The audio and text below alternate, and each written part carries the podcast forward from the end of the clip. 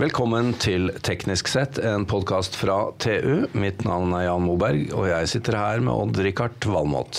Hei, Jan. Hei, Odd-Rikard. Du, jeg kom til å tenke på her en dag Odd-Rikard, at vi, hvis jeg kunne få lagd energi ut av alle de bølgene du skaper, da, det kunne gitt ganske mye. Ja, og hvis du tar med hele norskekysten, så hadde det blitt enda mer. Jan. Og det jeg, og det jeg skaper i tillegg? Ja. Det, ja, det blir mye bølger. Men, eh, men, jeg begynte jo med bølgekraft ganske tidlig. Ja, jeg skjønte det. Den gangen jeg jobba i SI, som i dag er Sintef i Oslo, som informasjonssjef, så var jo bølgekraft uh, stort. Da hadde vi skilt ut et selskap som het Norveiv som ville lage bølgekraft med et sånt renneprinsipp. Det er nesten 40 år siden, altså? Ja. Mm. Time flies. Time flies. Eh, og da var det Norway på den ene sida og Kværner på den andre sida, og de hadde noe, en sånn svingende søyle. Men begge prosjektene kan jeg si, ble ødelagt av naturen, altså. Mm. Det er vanskelig å lage bølgekraft. Det er store krefter, ja. og det er mye energi. Ja. Så det er åpenbart at her er det noe å hente.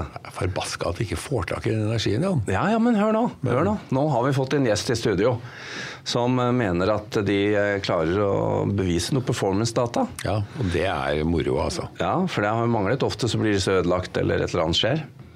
Eh, vi har rett og slett fått tak i Even Jetland. Velkommen. Takk for det. Du er prosjektleder for bølgekraft i Fred Olsen-systemet. Stemmer. Og det er jo et navn med tradisjoner. Så dere har holdt på lenge? Ja, uh, Fred Olsen-systemet har jo holdt på siden 1848. Over 170 år med maritim erfaring. Ja. Det, det, er eldre enn Teknisk Ukeblad. Det er ikke ofte altså, Jan? Nei, det er ikke det. Ja. det, det, det Vi begynte jo ikke før i 1854. Nei. Så dere er relativt unge, egentlig. Vi er unge. Men Even, dere har gjort noe så uvanlig nå som å du må fortelle dette. Dere har, dere har et konsept som dere nå har kjørt over tid, og mener at dere har løst dette med at det kan stå og generere kraft uten for mye tilsyn, uten for mye kostnader, og at dette faktisk leverer og funker. Hva snakker vi om? Nei, altså vi Ja, for å starte med den tekniske biten, så i 2007 så begynte eh, et ingeniørteam hos Fred Olsen å utvikle en liten bølgekraftløsning, hvor en vinsj står montert på en flytende struktur, og vinsjlina festa i havbunnen. Og så, eh, idet bølgen flytter på flyteren, så blir vinsjen drukket ut. Og den står på en girkasse til en generator. Det er en jojo, altså? Det blir en jojo. Og, og, på vei ut så holder generatoren igjen med et høyt moment. Ja. Og så vinsjer den seg sjøl tilbake igjen med et lavere moment. Ja, Så det blir overskudd av kraft? Ja, over en bølge så får du et eh, energioverskudd. Ja. Hvor, hva, er det, hva er størrelsen vi snakker om her på det, dette dere har testet? Da Nei, da vi begynte, så, så hadde vi jo Risør som vår testsite. Vi hadde hele ingeniørlaget her oppe, og så hadde vi faktisk også et par lokale ansatte nede i Risør. Risør ligger jo langt ute i fjorden, så det var et, et fint bølgeklima som var relativt tilgjengelig fra land. Og den første vi bygde, den var uh, så liten at du omtrent kunne hive den over ripa fra ribben. Ja. Den, uh, dette er jo det vi kaller Bolt-klassen av, uh, av, systemer. og så lærte man en del av det, og bygde en litt større en, og en litt større en. I 2009 så, så sto Bolt 1, da, som vi kalte den, Eh, den, der fikk vi vår første store test. Jeg vet ikke om du husker når eh, den kinesiske tankeren Full City gikk ned utafor Langesund? Ja, det husker jeg. Den dagen eh, var vi på sjøen med systemet vårt, og det ble en god test. Og så i 2010-2011 så fikk vi tilslag på et britisk prosjekt med britiske offentlige støttemidler Eh, for å utvikle en enda større versjon. Eh, og da, da lagde vi en eh, som vi kalte Bolt Lifesaver. Det var fordi den hadde et ringformet skrog, litt som en sånn life-ring, og tre av disse vinsjene om bord. Og vi bygde tre vinsjer fordi det ga mer energi, åpenbart, mm. og god redundans. Og så kunne du på en måte holde den power takeoff-biten, den vinsjen, på en eh, litt mer fornuftig størrelse. mens vi, mens vi drev den tekniske utviklingen og, og lærte å operere det systemet. Så det bygde vi i, i England sammen med eh, engineering, eh, detaljengineering-jobben gikk ut til et, et britisk eh, selskap som faktisk eh, utvikler militære kjøretøy. Som norske forsvaret kjøpte en del her forleden. Eh, og opererte den der fra 2012 til 2014. Og det er et, eh, et fullautonomt system. Den, eh, den har et energilager om bord og, og opererer på autonom algoritme. Så den, den driver egentlig seg sjøl. Lager mer og mer strøm jo større sjøen er, og endrer generatorinnstillingene litt for å holde kontroll på, på maskineriet. Eh, Og hvis eh, sjøen legger seg, eller, eller den opplever problemer, så skrur den seg av, og, og så våkner den en gang i timen og kjenner på aksjelometeret om den tror at været er på vei opp, eller mm. om den kan gå i overskudd. Hva snakker vi om uh, effekter som genereres i snitt? Ja, på disse, disse PTO-ene, som vi kaller det, disse vinsjene, de leverer opp mot 10 kW i gjennomsnitt overskudd i stor sjø Per vinsj. per vinsj. Det betyr at uh, de genererer egentlig mer og mer uh, ettersom sjøen blir større og større. Uh, og den nominelle effekten på generatoren er jo 85 kW eller sånn. Ja. Men det er noe av naturen til bølgekraft, at den varierer. Og vi drar jo, vi drar jo mange hundre kilowatt gjennom systemet eh, idet bølgen kommer. Men så Kan jevnes jo- ut. Mm. Den, ja, den jevnes ut, og du bruker litt for å vinsje deg tilbake igjen. Ja. Så overskuddet du sitter igjen, som du kan eksportere til eh, en kunde, er gjerne 10 kW per, eh, per PTO. Så 30 kW på dette systemet. Ja. Men dette er jo åpenbart veldig skalerbart. Men da snakker vi altså eh, Vi snakker om en installasjon som er 60 tonn, tonn Ja. og, og type 16 meter i diameter. ja. Det er, type, det er størrelsen. Det er størrelsen. Og så må du jo fortelle om eh, Nå har dere hatt en test med det amerikanske forsvaret. Ja, så Da vi var ferdig med det britiske prosjektet, da var vi to år på sjøen utenfor Sør-England. Da, eh, Mot slutten av det så ble vi kontakta av amerikanske forsvaret. Eh, Og de, har, de kjører et sånt eh, ja, et sånt eh, demonstrasjonsprogram for bølgekraftteknologier. Det betyr at eh, de sentralt, eh, amerikanske marinen, har eh, bestemt seg for at man må se på bølgekraft som en energiressurs. Og motivasjonen der er ikke grønn energi, men det er energisikkerhet. Altså Til havs. til havs. De har jo veldig mye marine installasjoner rundt omkring i verden, og, og mange steder hvor de kommer kanskje litt bardus på de lokale, så kan du ikke nødvendigvis alltid hekte deg på det lokale griden. Så de, de ser på alle mulige måter å generere og skape energisikkerhet for installasjonene sine. Så de har opprettet et, en testsite utenfor eh, Marine Corps Base på Hawaii.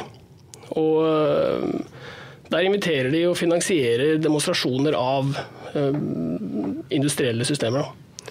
Så vi var vel nummer tre på den siten, tror jeg.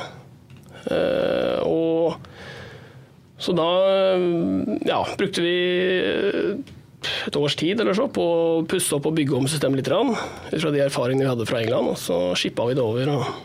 Er det stort sett bølgekraft de interesserer seg for, amerikanerne? Eller er det sol og vind og alt mulig rart? det er nok sol og vind i tillegg, som de har separate programmer for.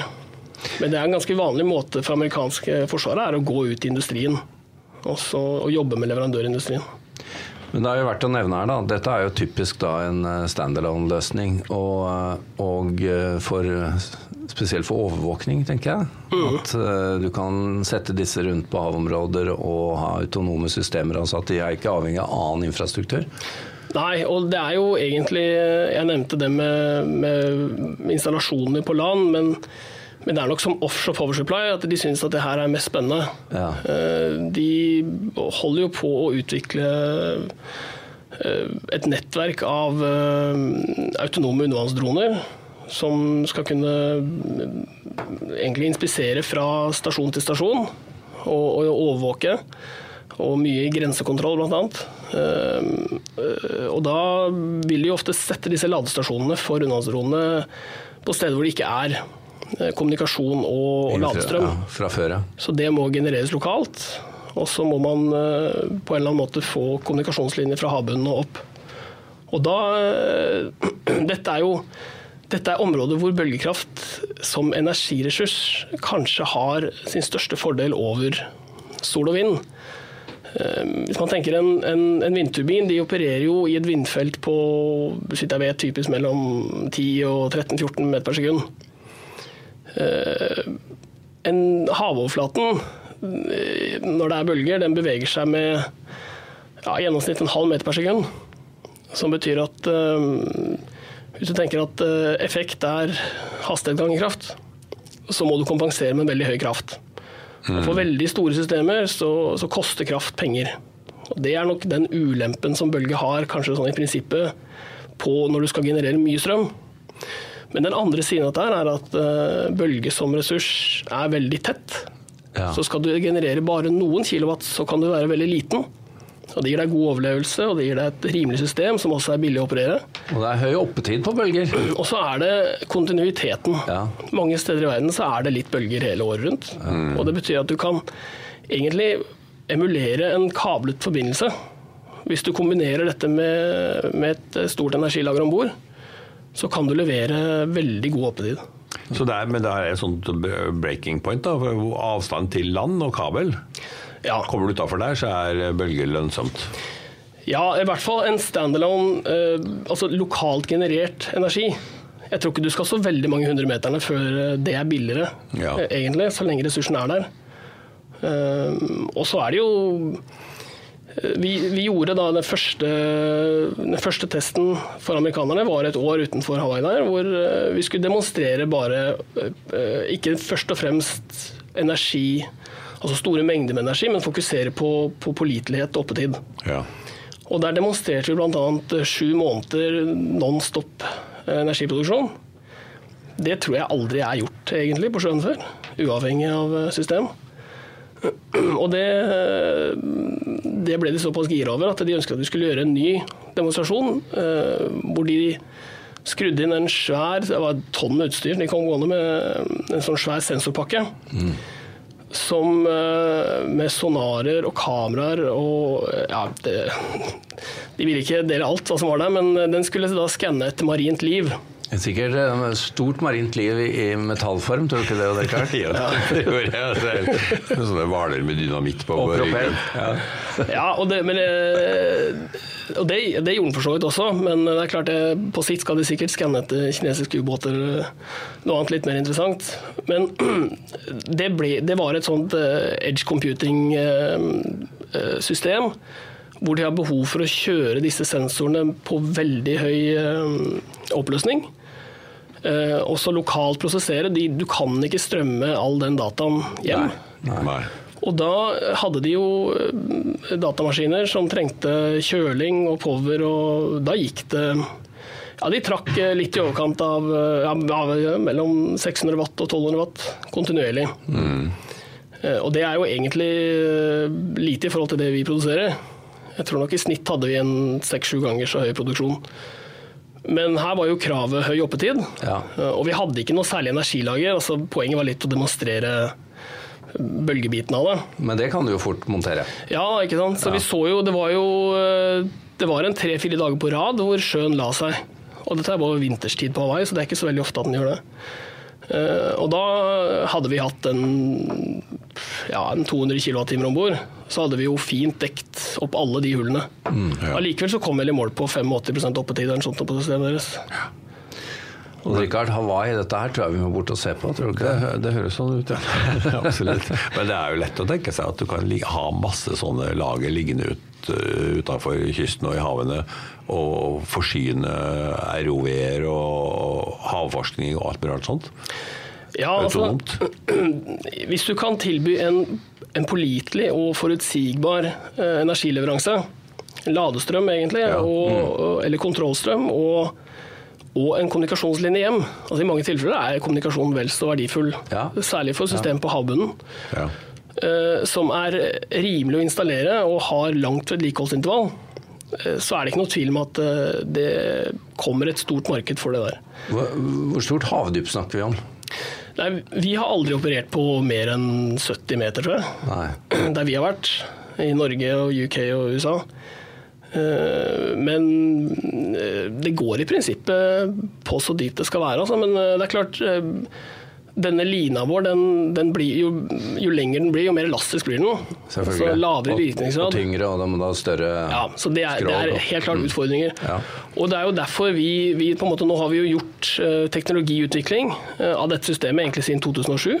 Ja. Og nå, uh, nå henvender vi oss til industrien for å, for å finne folk og utvikle produkter til de ulike industriene. Bruker dere stålline, eller? Nei, vi bruker, eh, vi, vi bruker et veldig spesialisert eh, vinsjlineprodukt. Fordi du får jo mange millioner bøyesykler på dette. Ja, jeg skjønner det. Og vanlige tau, eh, selv de, de som er sånn dynamisk moringtau, har ikke kjangs. Vi har jobba med en amerikansk leverandør av eh, drivreimer, Gates. Ja. Hvis du går inn på norsk eh, eh, bildelebutikk, så har de jo gjerne en hel Gates-hylle. Eh, Ja. Og de drivreimene de går eh, mange bøysykler under last. ja, Vi jobba med de, for de leverer også drivreim til girkassa vår, som er en sånn vedlikeholdsfri eh, beltedrift. Men det er jo bare noen meter da, av denne kabelen som går inn i vinsjen. Ja, så det, det produktet er eh, 30-40 meter langt, og så har vi så bruker vi et sånt eh, eh, fiber eh, Ikke et fibertau, men et, egentlig en lang fiberstropp ned. Ja. Som er pinnestiv. Det er aramidfibre i lengderetning. Så Akkurat. Så vet du hva, jeg tror det her er løsningen for deg, Jan. Og din båtskam. Du skal ha elektrisk båt, men du må ha masse ladestasjoner. Ja, Hvis jeg skal komme over fjorden til deg, Ja, så, så må vi ha et par ladestasjoner underveis. Nei, men det, er jo, det er jo ingen tvil om at dette er spennende løsninger. Og jeg skulle inn på det nå på slutten, Even. Vi, TU var over på Offshore Europe i Aberdeen forrige uke. Og der snakket vi bl.a. med noen av disse produsentene, Orginering og Saab og sånn, som lager undervannsdroner, eller ROV-er. Og så eh, har jo Equinor lagd en, eh, eller egentlig sagt at de vil ha en standard ladeplattform undervanns for disse forskjellige produsentene. Hva, hva tenker du om det? Nei, det, det er jo en av de absolutt mest spennende applikasjonene for eh, sånne systemer som oss. Fordi du kan si sensorikk, selv om det krever datakraft, det trekker ikke veldig mange hundre wattene. Nei, Dere er jo allerede på et nivå hvor dere kan tilby mer. Ja, og her har du store mekaniske fartøy som skal lade batterier på 30-40 kWt, og helst så raskt som mulig. Og det er en veldig god match for den systemstørrelsen vi har i dag. Og, og det går rundt på konferanser eh, både innenfor offshore vind og, og, og subsea olje og gass. Så er eh, de systemene du nevnte her nå, det er liksom det hotteste som er. altså. Ja, og de kommer, de er i ferd med å bli installert nå. Ja, og der, allerede der så sier de jo de har jo bare en bøye på overflaten. Fordi det de skal er jo være ute på tokt, og så dokke, og så skal de sende informasjon hjem. Eh, og med gassledningene vi har Odd Rikard, i Nordsjøen og skal levere til kontinentet og sånn, de må jo overvåkes, men der er det jo ikke infrastruktur. Så dere kunne jo hatt noen sånne stående, da, med noen sånne plattformer for disse RV-ene, så er det jo i boks. Ja, det er, det er virkelig et marked som vi vet at kommer. Og så, så gjelder det nok å være den som tilbyr den beste løsningen, men det er ikke noe tvil om at uh, operatørene som kjøper disse systemene, de ønsker jo å plassere dem der de helst vil sette dem. Ja, Helt uavhengig ja. av hva som ligger av, av kablet infrastruktur. De skal optimalisere det, ja. Ja. Uh, Og du nevnte langs rørledninger, det er jo et uh, veldig relevant case. Men også for offshore vind.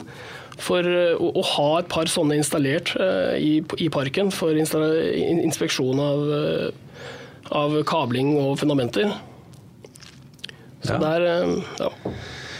Vi kunne holdt det gående, vi, men vi er nødt til å avslutte. Så dette ble jo en litt lang episode, men jeg, Det det, jeg lot meg rive er, det er et med. utrolig spennende område. Ja, det er altså. Så det har endra seg mye på de 40 åra jeg har vært med på i hvert fall. Even Jetland, eh, takk skal du ha. Vi hører gjerne mer når dere har fått mer eh, erfaring.